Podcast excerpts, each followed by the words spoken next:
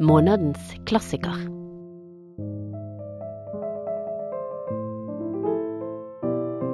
En podkast fra Bergen offentlige bibliotek. Lolita, light of my life, fire of my lungs, my sin, my soul, Lolita, the tip of the tongue, taking a trip of three steps down the palate to tap at three on the teeth. Lolita. She was low, plain low, in the morning, standing four feet ten in one sock. She was Lola in snacks. She was Dolly at school. She was Dolores on the dotted line, but in my arms, she was always Lolita. Hei, og velkommen til vår nye podkastserie, klassiker. Eh, denne måneden skal vi diskutere en berømte og kontroversiell roman av Vladimir Nabokov, 'Lolita'. Mitt navn er Joannena.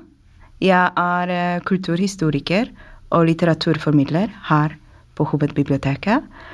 Og med meg har jeg en gjest, eh, litteraturprofessor Per Bovik, som dere kanskje har hørt før på episoden om Madame Bovary. Velkommen, Per Bovik. Takk for det, Johanne.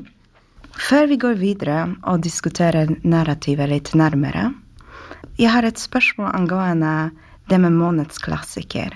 På grunn av at uh, Lolita ofte beskrives som uh, en klassisk litterær verk. Er du enig med det? Ja, det er jeg helt enig i. Eh, altså, hvordan vi skal definere begrepet en klassiker, eh, er det ulike meninger om. Det er to klassiske tekster. En av T.S. Eliot, yeah. 'What is a Classic', og det er en av Italo Calvino, som også diskuterer det begrepet. Men jeg tror at uh, en klassiker, det er en uh, tekst som alle lesende mennesker har et eller annet forhold til, enten de har lest den eller ikke.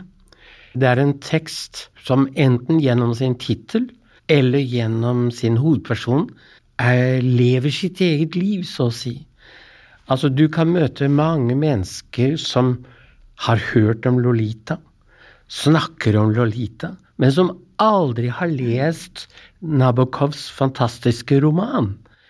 Og så hjelpes jo gjerne klassikere frem av at eh, de i sin helhet eller i utdrag kommer på eh, pensumlistene, i skoleverket, på universitetenes litteraturlister. Um, så da er det et helt apparat rundt det, og nå er det biblioteket i Bergen som løfter frem denne helt åpenbare klassiker. Ja. Men bare, bare ett kriterium til. Altså ut fra Tieselit, og for så vidt også ut fra Calvino, så er det viktig at eh, en klassiker har gitt det ultimate eh, uttrykk, eller er det ultimate uttrykk for en tematikk, for en problematikk, for eh, en språklig mulighet.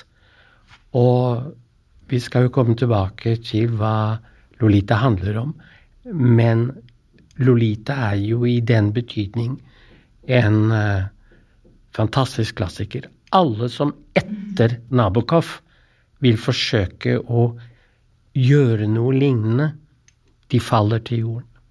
Nødvendigvis. Det er en sterk uh, påstand, men vi er jo enige om det her på biblioteket. Vi løfter Lolita frem i mars. Eh, I dag skal vi skisse litt mer litteraturhistorisk dybde av boken, men på mandag 14. mars eh, holder vi en panelsamtale hvor vi skal eh, løfte ulike måter å lese og tolke Lolita på. Så vi er absolutt ikke ferdig med Lolita. Den eh, skal vi bruke god tid på.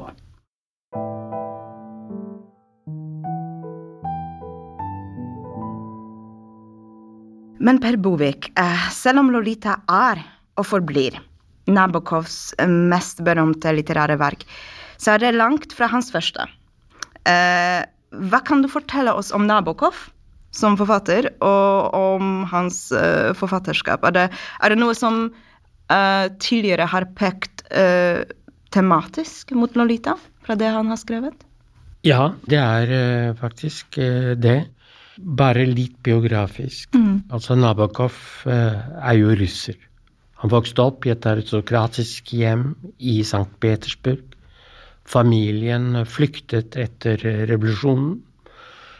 Hans far, advokat, journalist, politisk aktiv, mm. var uh, antikommunist. Mm. Og um, de flyktet til, uh, først til England, hvor Vladimir studerte i Cambridge.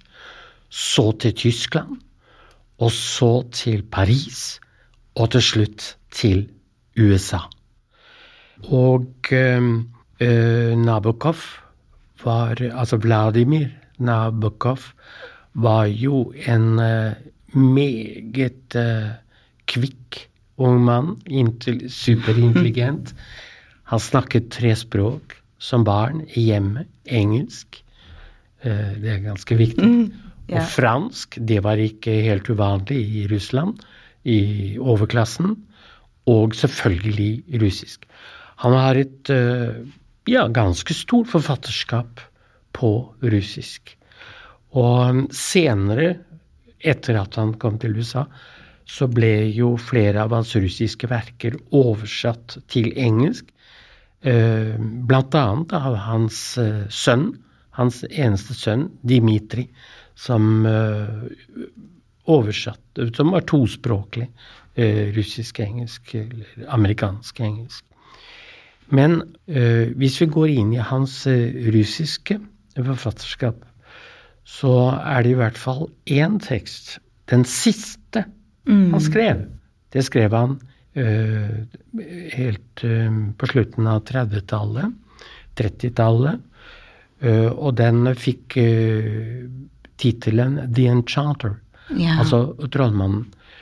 Tematisk peker den teksten frem mot Lolita, som jeg ikke skal avsløre altfor mye om akkurat nå, men ja. det handler bl.a. om en mann med en, må vi si, spesiell, pervers dragning mot en altfor ung kvinne. For ikke å si en jente. Ja. ja. Uh, han har også skrevet uh, Den er ikke oversatt til torsk, men han, han har også skrevet uh, et verk på um, Det første verket han skrev på engelsk, jeg tror det var i 1941. Da skrev han om bl.a. om sitt opphold i, i Cambridge. Og det er det, det er det, første han skrev direkte på engelsk, som het The Real Life of Sebastian Knife. Eh, og eh, ellers så har jeg lyst til å trekke frem eh, en uh, tekst som uh, er fantastisk, som handler om hans ungdom. Den heter yeah. På engelsk har den fått tittelen Speak Memory fantastisk eh, En slags selvbiografi, eller, eller memoar, som man nå sier ofte i USA. Når ble den skrevet? Eh, den ble skrevet eh, Den ble altså opprinnelig skrevet på russisk. På russisk, ja. Så jeg tror den ble skrevet da han var i Paris på slutten av 30-tallet. Ja, jeg tror det. Den er oversatt til norsk. Eh, under tittelen 'En europeisk ungdom'. Og så har jeg lyst til å trekke frem en, eh, en tekst, fordi Nabokov var jo ja, Jeg vil si han var et genialt menneske på mange måter. Han hadde jo uh, en vitenskapelig interesse for sommerfugler. Uh, og han har levert vitenskapet, altså forskningsarbeider innenfor zoologi. Og uh, noe annet som taler spesielt til mitt hjerte fordi jeg, jeg spiller sjakk, altså veldig amatørmessig, men, uh, men Nabokov var ikke så amatørmessig. Og han har skrevet en, en sjakknovelle. Den mest berømte sjakknovellen er jo av Stefan Zweig. Ja. Men eh, Nabokov skrev på russisk i 1930 et verk som et lite verk, en slags novelle, som heter eh, på engelsk The Defense, og er oversatt til norsk eh, under tittelen Forsvaret. Eh, Forsvaret. Så, så, selv om Lolita er hans berømte verk, og det, det er veldig mange som assosierer Nabokov nesten bare med Lolita, så hans forfatterskap er mye bredere. Og ikke bare det, men hans interesseområder er uh, ganske spektakulære. Fra sommerfugler til sjakk, til språk, europeisk litteratur og kunnskap fra Som nesten flyttende kunnskap i tre språk. Ja, ja, det, det, det må vi si. Og eh, jeg har jo da Du sier eh, kunnskap i litteratur. Du vet at eh, han tok en bachelor i russisk og fransk litteratur i Cambridge. Han kom til USA i 1945. Han, han var gift med en russisk Eh, jøde, eh, jødinne, Vera, Vera ja. som han ble gift med hele livet, og som han fikk eh, sønnen Dmitri med. Og antisemittismen i Tyskland var jo forferdelig. Og ja. Frankrike ble jo okkupert, så de flyktet like før uh, den tyske okkupasjonen av, uh, av den nordlige delen av Frankrike. Og um, da han kom til USA han, han, må jo ha hatt kontakter. For han fikk altså en uh, undervisningsstilling ved Wellesley College utenfor Boston.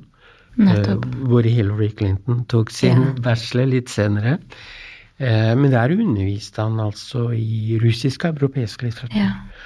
Og i 1948, tror jeg det var, Eh, så fikk han jo fast stilling i europeisk og russisk litteratur ved Cornell. Så han var fast ansatt. Jeg vet ikke om det var et ordinært professorat, eller om man var engasjert som fast foreleser i en friere stilling. Jeg, jeg vet ikke 100 det. Nei.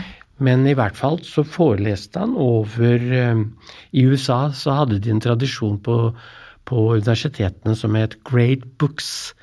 Altså Introduction to Great Books. Og han hadde ansvaret for The Great Books, som han foreleste for Eh, for de college-studentene, altså bachelor-studentene med. Og en meget berømt senere forfatter, Thomas Pynchon, ja. var jo hans elev. Og var fantastisk begeistret for ham som, som, foreleser. Så, så, han var en eh, Du kan si han var ikke bare en belest mm. mann, men han var en lærd mann. Uh, altså, han, han studerte litteratur.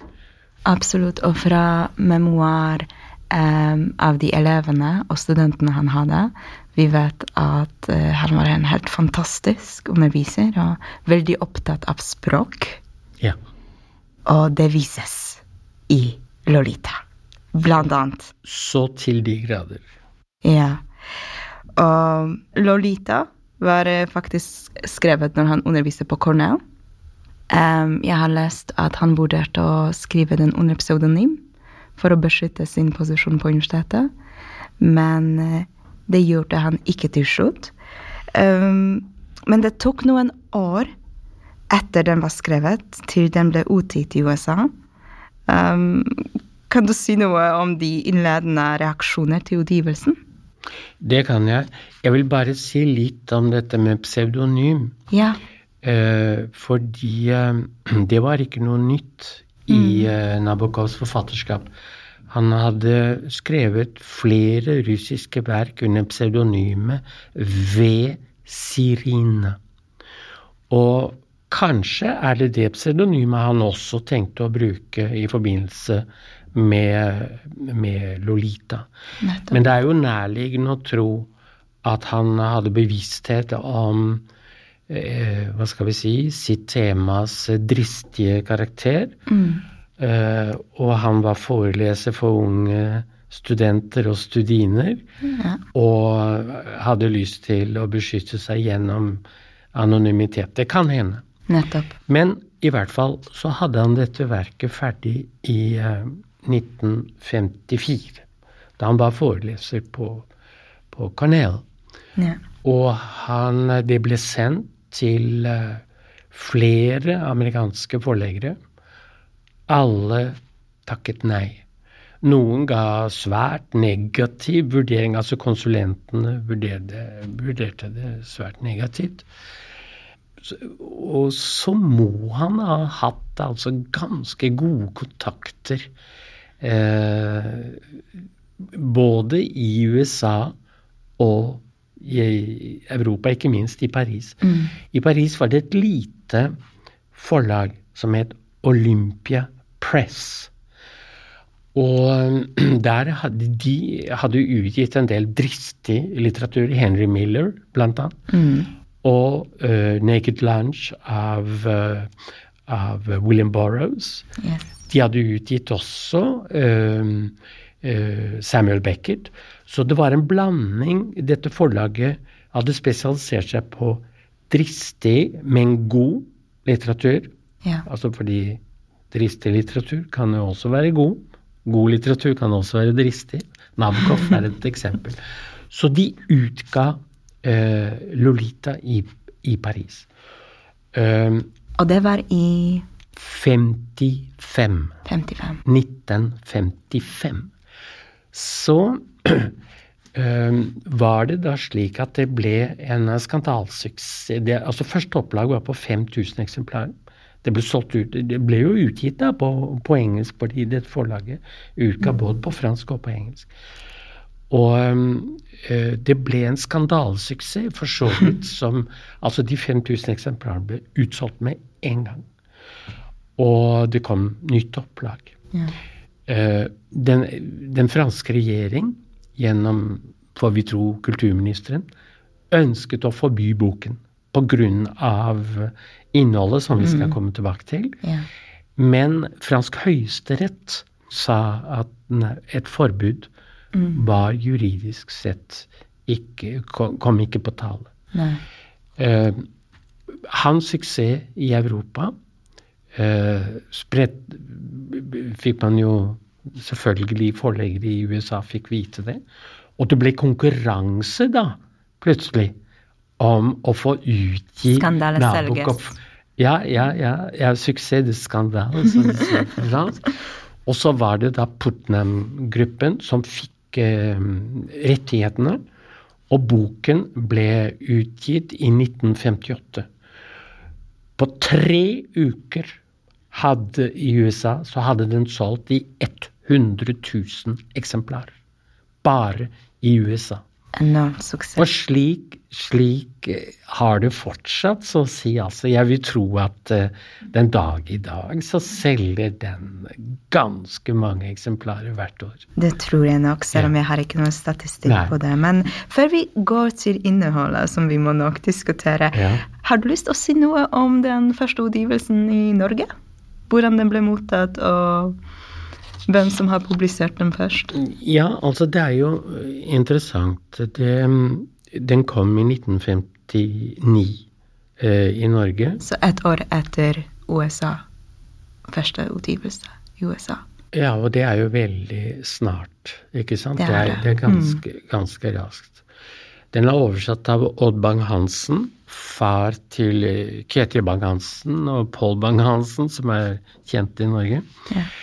Eh, man kan si en del kritiske ting om den oversettelsen. Mm. Men oversetteren har bevissthet om at det var utrolig vanskelig, fordi eh, Nabokovs eh, engelsk er så sofistikert, så utviklet, så uh, På mange måter uh, Altså, det er så mettet av ordspill, eh, alliterasjoner, Ja. uh, rytte, en egen rytme osv. Det er veldig, veldig vanskelig å oversette. Og, og Bang-Hansen er helt ærlig. Han, han sier at uh, noen ganger er det, er det umulig. Det er interessant at det ble ingen skandale i Norge. Nei.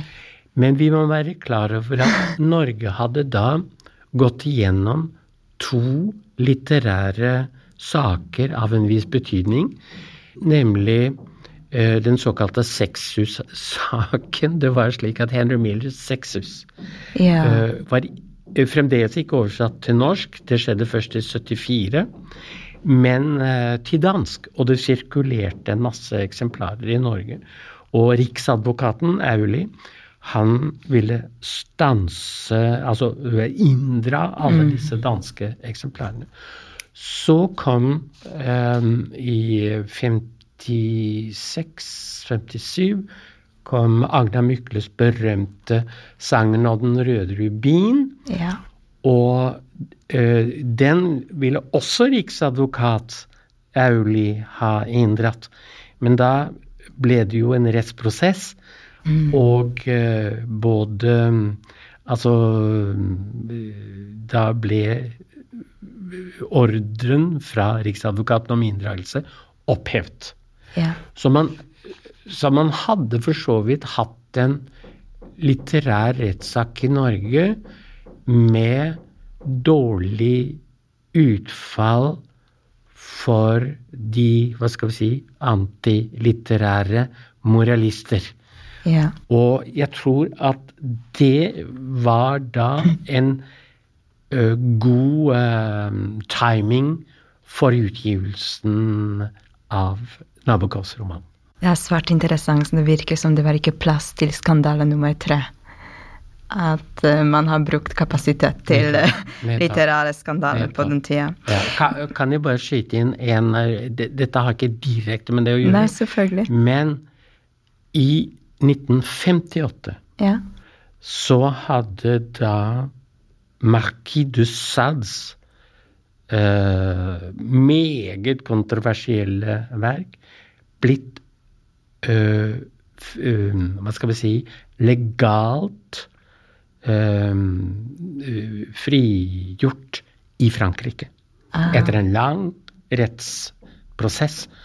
Så 50-tallet er åpenbart eh, hva skal, et interessant eh, tiår for eh, dette spenningsfeltet mellom moral, juss og litteratur. Veldig interessant. Og så har vi på toppen av alt eh, Lolita. Og vi har jo snakket eh, litt om kontrovers eh, rundt eh, utgivelsen, men da må vi rett og slett diskutere hva boka handler om. Kan du si litt mer om plottet? Ja, det vil jeg selvfølgelig svært gjerne gjøre. Jeg tror jeg da vil først gjøre det veldig beskrivende, veldig, Mm. veldig enkelt. Ja. Og så kan vi kanskje diskutere Gå litt dypere i karakterer, ja. etter Mm.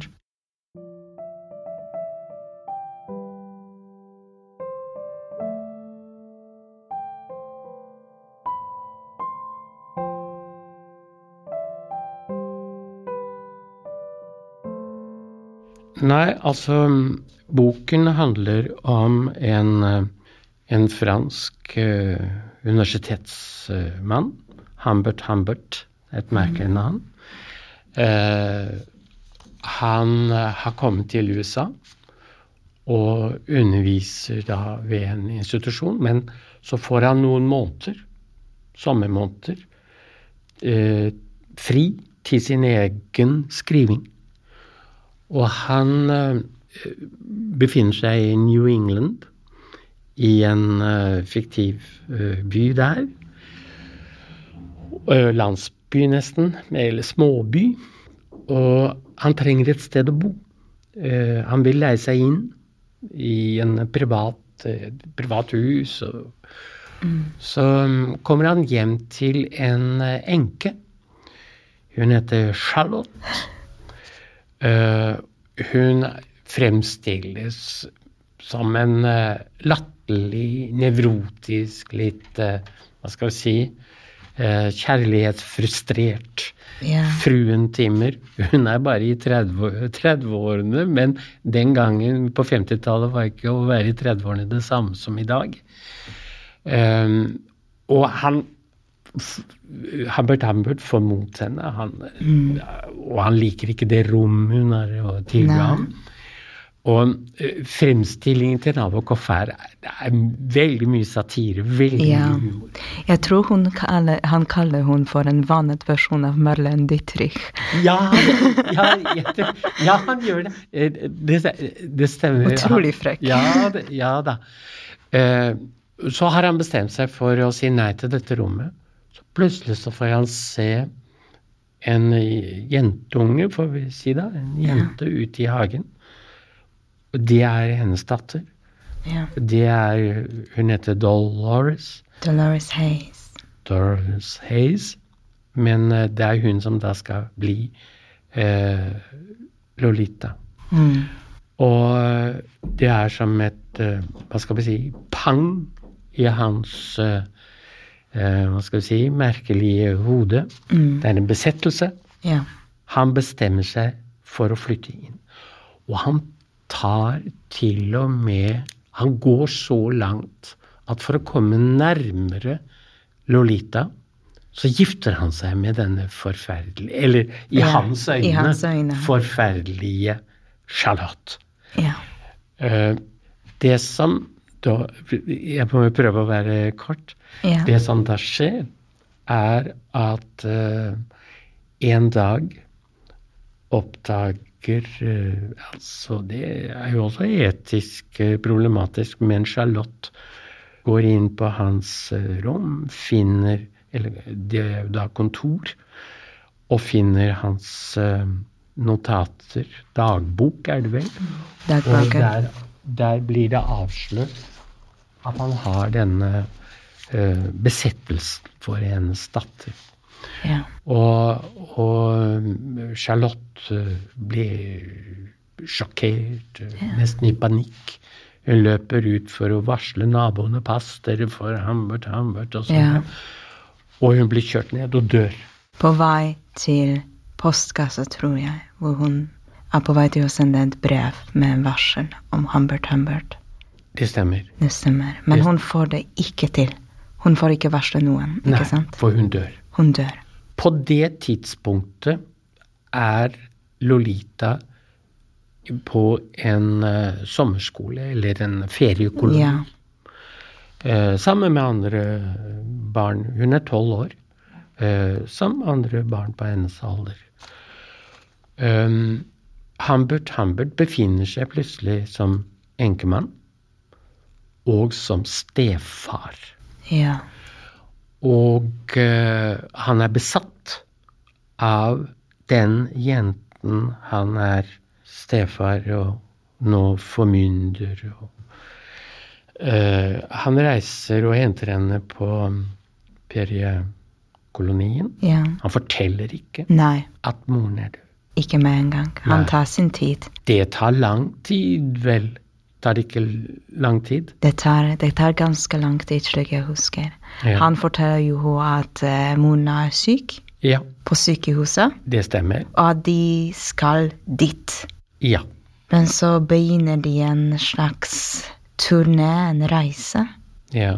um, som skal uh, lede til den sykehuset, slik jeg husker. Ja. Men som skjer det masse ting på vei. Ja. Eh, og ehm, eh, Ja, altså store deler av romanen, både i denne sekvensen og en litt senere sekvens, etter at eh, eh, Humbert har fått henne inn på en mm. privatskole Ja. Ehm, altså både etter oppholdet på privatskolen og etter Først etter oppholdet på sommerskolen. Ja. Så skjer jo så, så er det mye sånn reising, ikke sant? Ja. Eh, og det er to filmatiseringer, annet en veldig berømt av uh, Kubrick, Stanley Kubrick, yeah. som fremstiller det da nesten som sånn road yeah. movie eh, gjennom USA. Men med overnattinger på moteller. Yeah. Motell, det er som en amerikansk Jeg forbinder det veldig mye med sånne amerikanske filmer. Men det som skjer, er jo da at han Ja, altså i dagens terminologi må man jo si at han forgriper seg på henne. De innleder et forhold, en seksuell relasjon. Um, og det skjer parallelt med at eh, Lolita fremstår jo mer og mer som en, en vanskelig person. Ja. Eh, uten noen litterære interesser, uten eh, ja, Altså så forskjellig fra Humphrey Humphrey. Ja. Eh, det er Humbert Humbert, så, som man kan eh, tenke Ja. seg, ikke sant? Og eh, så- leseren må spørre seg Ok, han er besatt, han er, han er pervers, men eh, hvordan kan han Hvordan er det mulig? Men det er jo noe Vladimir Nabokov er veldig god til å beskrive. Altså hvordan hans besettelse overtrumfer alt annet. Ja. Fornuft, eh, normer, moral. Men også, hva skal vi si, eh, eh, smak. Ja. Eh, interesser. Hun er jo en sånn tyggegummi-tyggende jente som bare leser serieblader, ikke sant? Ja. Og glansede magasiner. Men i hvert fall, det som, det som eh, skjer, er at han forsøker å, å få henne vekk fra denne landsbyen hvor han hadde bodd sammen med henne og, og moren. Flytter til et annet sted og får henne inn på en privatskole. Det som der skjer, er at hun øh, øh, spiller skoleteater. Blir veldig opptatt av øh, sin rolle i et stykke som en øh, litt berømt dramatiker, småberømt dramatiker som heter Claire Quilty, har skrevet og instruerer. Ja. Humbert Humbert vet ikke, men han aner at hun, lille Lolita, er i ferd med å få et selvstendig liv utenfor hjemmet. Og ja. uten, Han vil ha fullstendig kontroll utenfor hans kontroll. Ja. Så tar han til slutt henne med på en ny roadtrip. Tar henne ut av skolen Ja. og flykter på mange måter med, med henne. Ikke sant? Ja. Og det er eh, Han er skal vi si paranoid, han er sykelig sjalu, han Ja. er eh, en kontrollfrik av dimensjoner. Ja. Uh, det som da eh, Men så får han følelsen av at de blir forfulgt. Ja. At det er jo, han tenker jo at det kan være politiet, men blir han, blir han forfulgt. Så viser det seg at det er denne dramatikeren Claire Quilty Ja. som under et lite sykehusopphold eh, Lolita må ha eh, i løpet av denne reisen hun må innlegges akutt. Han Quilty vi, han eh, presenterer seg på sykehuset som Lolitas onkel og røver henne. Ja. Han tar henne vekk. Og det skal gå fire år, tror jeg, Ja. eh, før han ser henne igjen. Før Humbert ser hun Ja. Dolores igjen. Ja. Da er hun gift Ja. med en helt annen mann. I sin egen alder. Mer eller mindre egen alder. og en enkel, med kjekk ung Ja. mann. Omtenksom Omtenksom. og snill. Og hun er gravid. Ja. De trenger penger. Og nå har de jo solgt det gamle huset Ja. eh, hvor de bodde. Så hun har også juridisk krav på penger. Humbert Humbert reiser for å gi henne de pengene. Og fremdeles, da er hun 17 år. Ja. Han er da Han er bikket 40 år. Ja. Um, og uh, han er fremdeles fortapt i henne.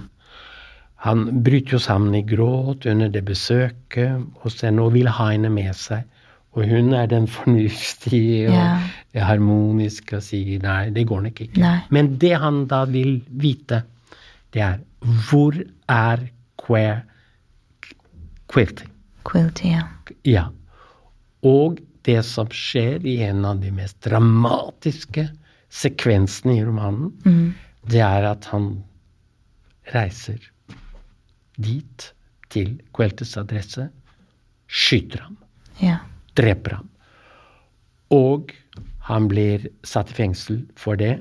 Hele romanen som vi leser, er ifølge fiksjonen skrevet i fengsel, hvor han sitter ikke som overgriper, Nei. men Nei. som morder. Ikke sant? Veldig godt poeng. På grunn av han svarer aldri juridisk for det som han har gjort mot Dolores Hayes. Aldri. Aldri. Men kan du si noe om det er veldig interessant ramme for en roman. Så før det berømte avsnittet hvor Humbert Humbert begynner sin fortelling om Lolita, så har vi en innledning av en psykiater. Det stemmer. kan du fortelle litt om det? Ja, det er interessant. Altså, eh, det er jo en eh, nokså moralsk innledning. Altså, denne eh, psykiateren, Mm. han er fetter til Humberts advokat. Nettopp. Og Humbert har gitt et testamente til advokaten hvor han ber om at et, det manuskriptet manuskriptet han har skrevet i fengselet, skal utgis.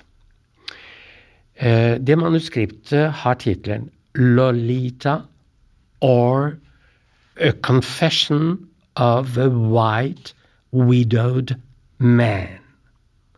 En hvit enkemanns bekjennelse. Det er ikke skrevet som en roman. Nei. Det er skrevet som en sann historie. Eh, psykiateren, nei, advokaten, gir manuskriptet til psykiateren og sier kan ikke vi sammen oppfylle Hambert? For Hambert dør i fengselet Ja. like etter å ha fullført dette manuskriptet, Nettopp. før hans uh, mordsak kommer opp i Ja. retten. Så han er død. Så det er et posthumt uh, manuskript da, som blir utgitt. Eller manuskriptet blir eh, posthumt utgitt. Um, og dette, så skriver da psykiateren et forord hvor han sier han har rettet opp noen små feil og noen inkonsekvenser eh, her og der, men i det store og det hele så er det det opprinnelige manuset Humbert Humbert skrev i fjor, som blir utgitt. Um, og så slutter eh, psykiateren med at eh, dette verket har flere dimensjoner. Det er et litterært verk, men det er også et eh, moralsk verk. Eh, det er en eh, kasushistorie. Eh, Det altså det er et estetisk verk, det er et moralsk verk, og det er et det er en, kase, en interessant kasushistorie som psykiatere vil interessere seg for. Nettopp. Så sier han at eh, vi kan lære noe av dette, alle. Eh, Vi kan bli bedre foreldre, vi kan bli bedre eh, oppdragere, og vi kan i det hele tatt bli bedre voksne for å unngå å skape slike skjebner Ja. som, som her er beskrevet, altså Lolitas skjebne. Men alt tyder jo på at eh, dette er et ironisk yeah. dette er et ironisk eh, forord.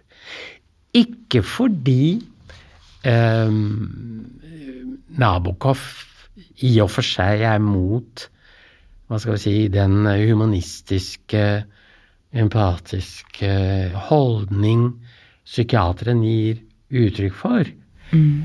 men fordi han har eh, eh, så til de grader skrevet et verk med hovedvekt på verkets litterære karakter, yeah. må, må vi si.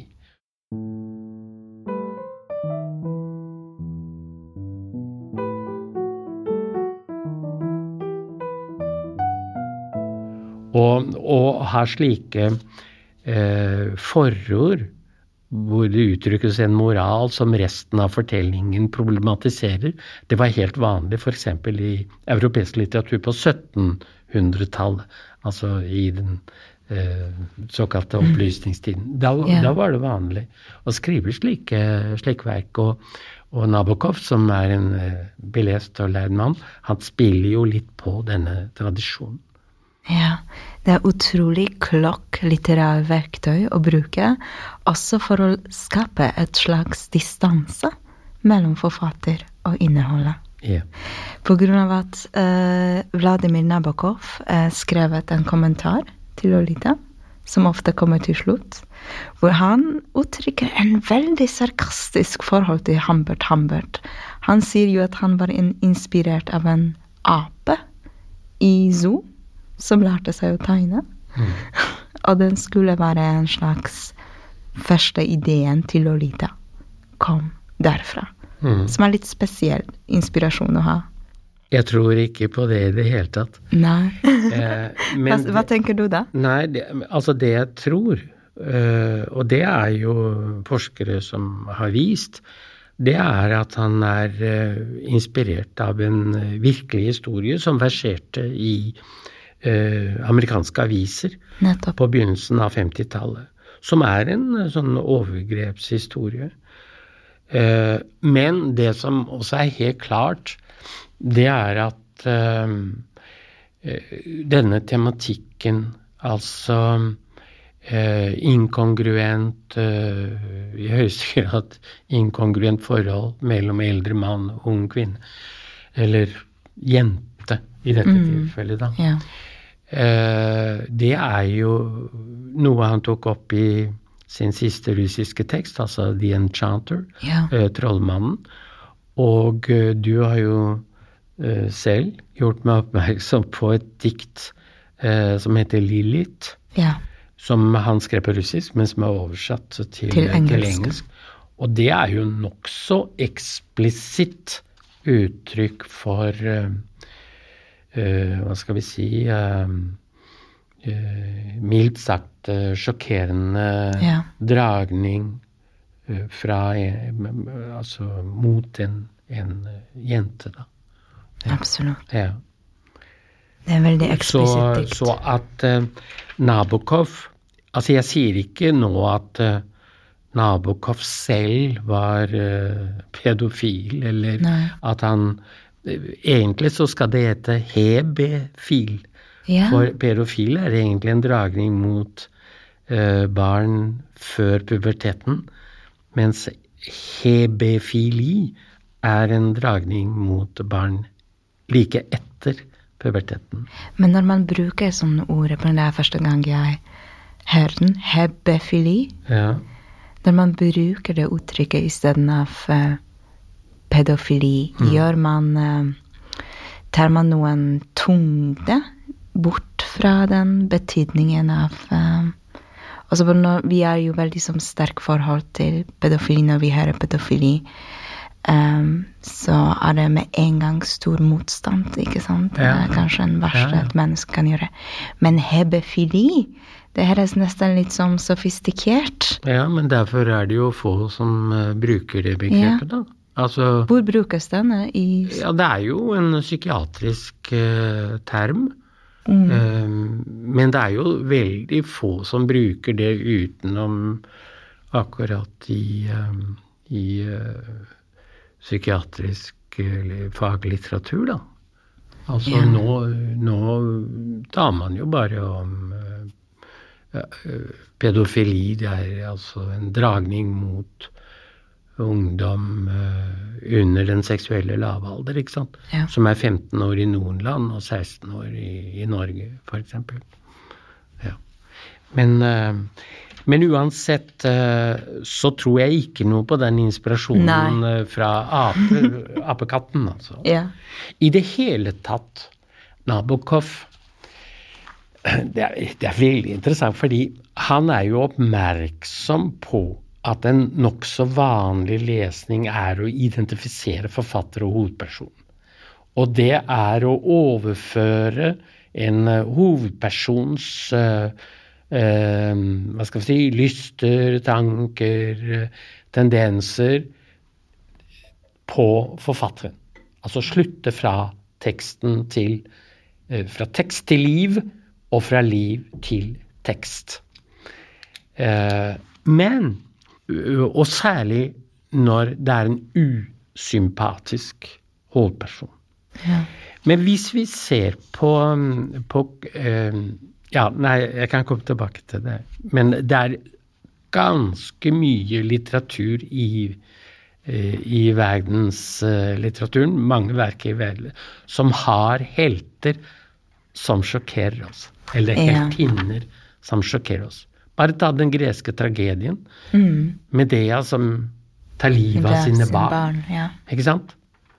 Vanskelig. Selv om vi kan forstå hvorfor hun gjør det, så er det vanskelig å identifisere seg med en slik handling. Så Ja. litteraturen er full av, av slike ting. For noen år siden, Jonathan Littell i Frankrike fikk eh, Goncourt-prisen, han ga stemme til en eh, nazist. Ikke sant?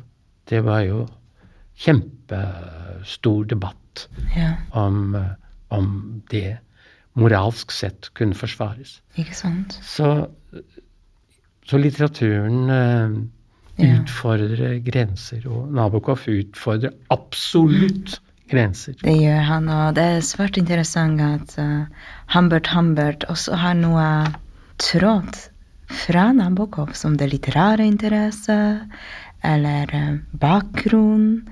eh, så, så han leker litt med assosiasjoner her. Men sam, vi må komme tilbake litt til hovedkarakter, ikke bare Humbert Humbert, men du har en veldig interessant teori om quilty som eh, jeg lurer på om du kan dele med våre, de som hører på oss. Ja, eh, og etter at jeg nevnte min eh, teori om forholdet mellom Quilty og Humbert Humbert for deg første gang, yeah.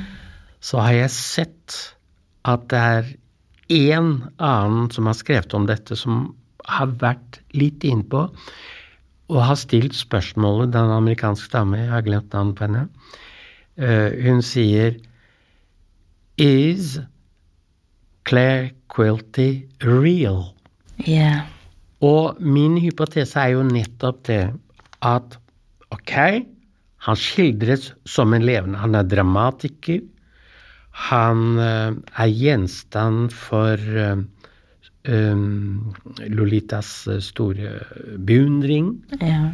og kjærlighet og til, tiltrekning. Denne bilen Mm. som han eh, kjører etter dem i, Yeah. det skuespillet han har skrevet og satt opp, det er jo virkelig. Samtidig så er det jo interessant Altså, Humbert Humbert er fransk. Han snakker veldig mye, bruker veldig mye franske ord og franske setninger. Quilty gjør det samme. Ha. Quilty er en eh, godt belest mann. Han, han, eh, han skriver da dram, dramatikk, Mm. først og fremst. Og han har en hebefil dragning mot unge jenter. Ja. Ikke sant? Um, slik at jeg tolker ham som en um, dobbeltgjenger, som det heter. En dobbeltgjenger. Han, men han er med all sin dannelse Han er fordrukken. Han er vulgær. Ja. Han, eh, han er det som vi assosierer med en pedofil. Ja. En som ikke har én, men som har en serie. Mm. Og øh, mens Humbert Humbert, han har jo bare én. Det er Lolita. Mens øh, Lolita for um, Quilty er en i rekken, kan man Ja. si. Uansett så har han dette dobbeltgjengerperspektivet, og da uh, da um, Humbert Humbert i sluttsekvensen reiser til det huset hvor Quilty holder til, Ja. skyter ham, plaffer ham ned i absurd, vill, galskapsbasert sjalusi, Ja. så er min tolkning at han dreper altså denne vulgære, denne uh, helt uakseptable siden ved seg selv. Det gir jo mening at uh, når du sier at Humbert, hvordan Humbert Humbert uh, beskriver Quilty som akkurat som vulgar, som ekkel, akkurat som en motsetning til seg selv, på grunn av at hele fortellingen er jo fra Humbert Humbert-perspektiv. Charlotte er ikke der med sin stemme, hun dør. Lolita, som vi lærer til slutt, dør også. Det er bare han som er igjen vitne til den historien. Og han beskriver seg selv som veldig vakker mann. Eh, good looking. Uh, veldig intellektuell. Med fin garderobe. Gode manerer. uh, og som vil Og beskriver Lolita som sitt livs kjærlighet. Prøver hele tiden å skape en som romantisering av det forholdet. Men samtidig vi hører jo hun aldri. Ikke sant? Mm. Kan du si noe Du har vært litt på det før, hvordan Dolores fremstilles. Men kan vi si noe litt om, om, om hennes eh, posisjon i den historien? Om hennes fortelling? Ja. Jeg, det vil jeg svært gjerne. Jeg skal, jeg skal bare si det om dobbeltgjengeren. Ja. Det er jo klart at eh, selv om dette dobbeltgjengermotivet er til stede, så går det jo ikke 100% opp. For eh, um, Humbert Humbert blir jo satt i fengsel. Ja. Ikke for et uh, symbolsk selvmord, Nei. men for et reelt mord. Nettopp. Slik at det er bare ett aspekt, ikke sant. Uh, men når det gjelder eh, eh, forholdet mellom Lolita og Hambert Hambert, eh, så legger jo eh, legger jo da eh, Vladimir Nabokov aldri skjul på at perspektivet er eh, Humbert Humberts overgriperens perspektiv. Han legger heller ikke skjul på at um, Lolita vil ut av det. Mm. Eh, altså, det blir for mye for henne. Hun er av og til ambivalent. Altså, av og til vil hun faktisk ha sex med ham, men i de aller Ifølge ham. Det er alltid ifølge ham. Det er alltid ifølge ham. Ja, i, ikke sant? Hele historien er i, ifølge ham. Til og med i starten så sier han 'jeg var ikke hennes første', for å understreke at uh, Gjøre seg litt mer uskyldig i den saken. Det er helt riktig. Mm. Øh, Det er riktig at hun helt øh, konkret øh, hadde hatt sin seksuelle debut med en ung mann på denne feriekolonien. Eh, det, er helt riktig. Men det er også viktig å understreke at Humbert Humbert hele tiden har bevissthet om at han gjør noe galt. Ja. Uh, Det er jo bl.a. derfor de flykter og flykter og flykter. Og de flykter, u- u- flukten er umulig, egentlig. Fordi de flykter fra noe som eh, Altså, den flukten kan aldri føre til oppnåelse av hans drøm. At de skulle bli et evig lykkelig par osv. Det er dømt. Den er tragisk, denne historien. Og han har bevissthet om at den er tragisk, og det betyr at den er dømt fra the very Start. beginning, the very start. Eh, ikke sant? Ja. Problemet med Altså, man kan selvfølgelig bare si om, eh, om Hammer Tappert han er syk, han er pervers, han er patologisk, og så kan man bare si det er bra at han døde. men, men det som gjør denne historien så um, hva skal vi si, vanskelig å lese, det er jo at han er ikke bare pervers. Han er ikke bare syk. Han, han, er, øh, han er flere ting på en gang. Men hele tiden har han bevissthet om at han eh, trår over en grense, eller flere grenser, i, eh, i det samfunnet han, han lever i, selvfølgelig. Han, eh, han kaller henne Lolita flere ganger for Carmen. Ja. Carmen er jo en novelle av den franske forfatteren Mérimée. Eh, den er jo foreviget som opera Ja. av Bizet. Og Carmen var eh, også tittelen på en veldig populær sang denne Ja.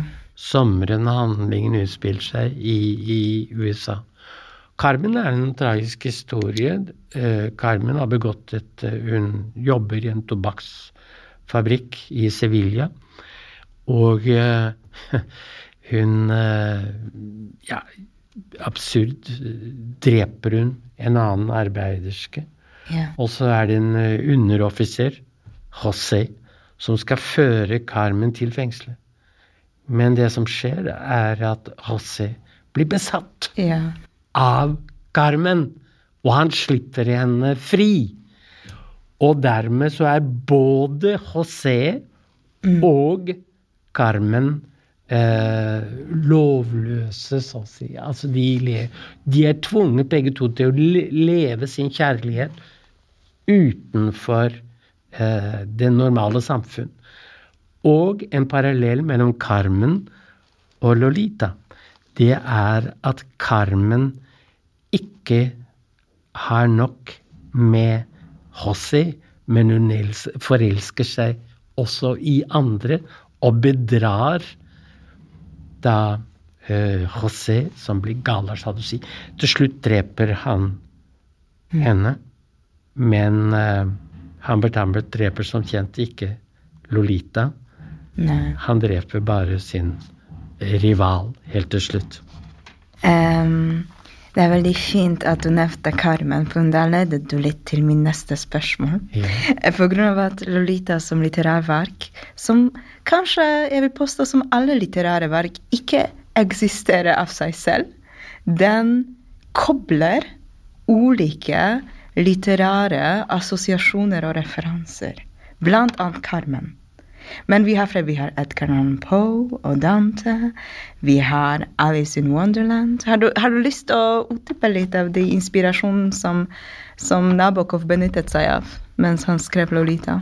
Eh, Du har jo nå nevnt, eh, nevnt flere, men eh, du nevner Edgar Allan Poe. Og det er en, en meget viktig um, kilde. Eller ikke kilde, intertekst, sier man jo gjerne i litteraturvitenskapen. Altså en annen tekst som hovedteksten spiller med Nettopp. og fører dialog med. Eh, og eh, nev, nev, vi nevnte da um, et dikt av um, Nabokov som sånn som Lilith. Lilith, ikke sant? Um, men det er også et dikt av Edgar Allan Poe som det er all grunn til å nevne her. Og det er um, Annabelle Lee. Uh, meget vakkert dikt om en stor kjærlighet, ikke mellom en voksen mann og en ung eh, kvinne, eller en jente, mellom, mellom to jevnaldrende, men utrolig vakker, vakkert, eventyraktig. Og her må vi nevne at eh, Humbert Humbert fremstilles som en mann som er predeterminert for sin hebefile kjærlighet til Lolita. Han har nemlig opplevd den store kjærligheten da han var barn. Ja. Og til en jente som heter Annabelle. Lee. Eh, Ja, hun heter ikke Annabelle Lee, hun heter bare Ah, Annabelle. det stemmer. Nå Annabelle. tenker jeg bare på ja, Annabelle, Annabelle, Og. Annabelle, hans barndoms store kjærlighet, dør Tragisk. Ak tragisk, akkurat som Annabelle Lee i Edgar, uh, Edgar Allan Poes dikt. Uh, og han sier det rett ut at Uh, Han sier det ikke resten av mitt liv, men jeg kan si det. Resten av mitt liv har gått med til å prøve å gjenfinne en erstatning for min Annabelle, min barndoms Annabelle. Han sier det eh, rett ut, ikke sant? Mm. I tillegg er det jo litt pikant når det gjelder eh, Edgar Allan Poe. Nettopp. For Edgar Allan Poe, den store amerikanske dikter, uh, han giftet seg 27 år gammel med sin kusine på 13. 13 år. Ja, ja, Helt utenkelig å ja. tenke på det. Ja, ja, det er det. Det er så mange interessante aspekter eh, man kan diskutere når man snakker om Lolita, men vi må nesten eh, gå litt videre, jeg tenker. um, og jeg har veldig lyst til å spørre deg, hva er um, Lolitas arv i litteraturen? For den lever fortsatt. Ikke bare i våre levende diskusjoner, men også, også litteratur, publikasjoner. Vi har nylig snakket om Vanessa Springora. Samtykke. Ja, vi har snakket om den. En bok som Ikke her, men Ikke her. men ut- vi, vi traff hverandre en ja, gang før. ja, vi hadde ja. en veldig interessant diskusjon om bl.a. denne boken. Ja. Eh, kan du si litt mer om den, og om dens kanskje forhold til Lolita, eller hva slags kobling er det mellom samtykke og Lolita, og Lolitas arv i litteraturen generelt? ja Kan vi ta først Vanessa Sprengora? Selvfølgelig. Vi kan Eh, veldig gjerne begynne der. Samtykke. Altså Vanessa Springoras eh, historie er jo på mange måter en parallell til Mm. Lolitas historie, fordi hun hun blir altså Hva skal vi si uh, Utsatt for eh, en eh, eldre manns, en forfatters eh, kjærlighet og begjær. Ja. Og hun er da eh, 13, nesten 14 år, altså under den seksuelle lavalder Ja. i Paris. Og hun blir oppriktig forelsket i denne eldre forfatteren Gabriel Masneff. Um, det viser seg at han er mer en uh, Quilty-type enn en Humbert-type, for han har så ufattelig mange eh, på samme alder som, eh, som eh, Vanessa. ja. Noe som hun oppdager vet senere. Noe som hun oppdager, og det er jo Det blir forferdelig vanskelig for henne, og hun eh, Hun eh, går mange, mange år i psykoanalyse og, og fri, frigjør seg. Men hun hun fordømmer egentlig ikke eh, den kjærligheten Masnef og hun hadde i begynnelsen av, av forholdet. Eh, det hun fordømmer, egentlig er hans eh, troløshet, hans eh, egosentrisitet. Og selvfølgelig så etter hvert som hun blir mer bevisst om hva hun er med på, så fordømmer hun Eller trekker hun seg ut av forholdet. Og hun skriver jo at hun måtte gå var det 20 år i psykoanalyse ja. for å frigjøre seg fra dette. Men hun nevner på slutten av sin uh, meget uh, gripende bok nevner hun uh, Lolita. Ja. Altså romanen Lolita. Og da sier hun jo at hun har ikke den oppfatning at det er en bok som oppmuntrer til det som da ikke vanligvis kalles mm. pedofili. Men ja. Ikke, ikke hebefili, men ja, pedofili. pedofili ja. uh, hun leser ikke det, uh, denne romanen, som en oppfordring. Uh, tvert om, sier hun. Tvert om. Så hun anlegger på mange måter det perspektivet som Nabokov anlegger i sitt ja, etterord. etterord til andre utgaven av ja. Lolita. Uh, og ja, jeg vet ikke hva du Jeg syns det er veldig interessant å høre stemmen uh, til um, Vanessa Springora i den boken hvor hun selv forteller om å bli mishandlet av en litterær og intellektuell eldre mann, og hva er hennes syn på Lolita? Um, nemlig ikke som glorifisering av pedofili, men tvert imot som et slags advarsel og studie av ondskap, rett og slett. Mm. Uh, men Vanessa Springora er ikke den eneste forfatter som nevner eh, Lolita, eller Lolita lever jo sitt liv videre. Og hva syns du om den arven eh, Nabokov ga oss? Lever den videre? Eh, tror du at folk i framtiden vil lese Lolita? Og kanskje min viktigste spørsmål, det blir ikke for mange spørsmål på en gang. Kunne du tenke at Lolita ville ha vært utgitt i dag? Jeg svarer nei. Nei. på ditt uh, siste spørsmål. Den vil ikke bli utgitt i dag etter metoo, etter alle psykologers, alle menneskers uh, oppmerksomhet uh, rettet mot pedofili, overgrep. Ja. Jeg, tror er, jeg, tror det er, helt umulig. Og det er jo i dag også mange i Hva skal vi si i kampens hete, om, mm. jeg, om, jeg, våger å bruke det uttrykket, som uh, mener at uh, ved å diskutere subtilitet, det litterære aspektet osv., så, videre, så krydrer vi på en måte uh, boken. Ja. altså vi bidrar da til å dempe ned mm. det mest uh, sjokkerende ved den. Ja. Og det er uh, i, i manges øyne da um, overgrepet, det, det konsekvente overgrepet. Men hvis man ser på, på boken som jeg gjør, f.eks., og du også på mange måter synes å gjøre, da, så er jo boken fortalt som en tragedie.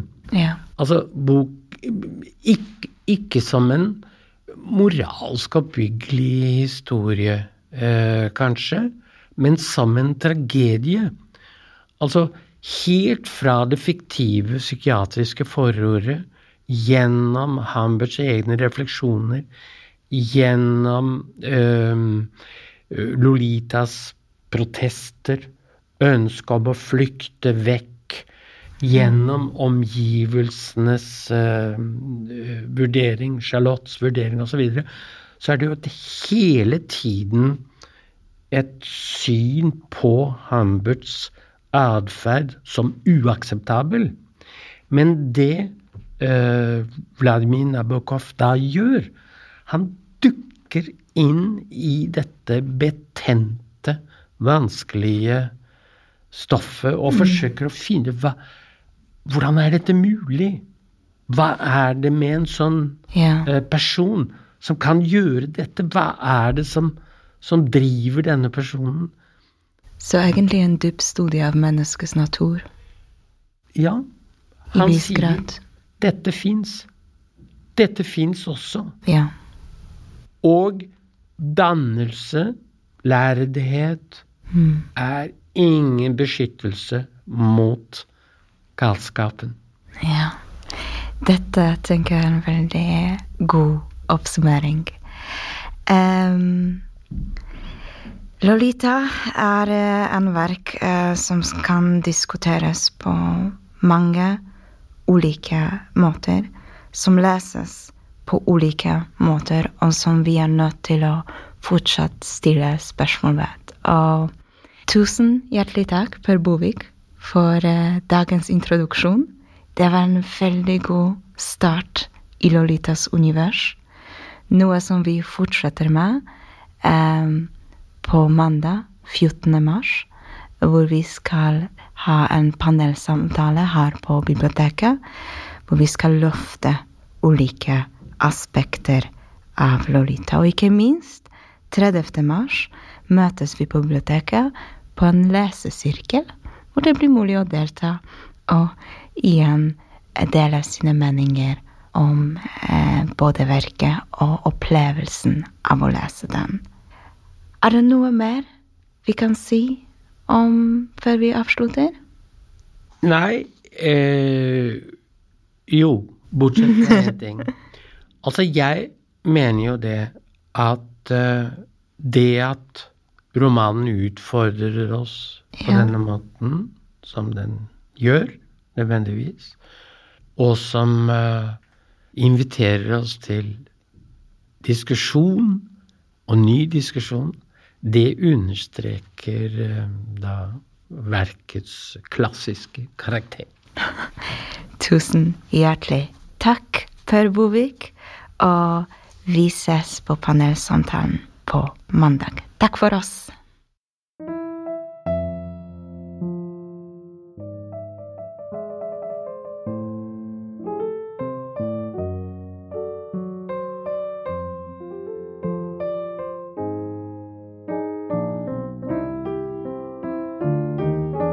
Du har lytta til en podkast fra Bergen offentlige bibliotek.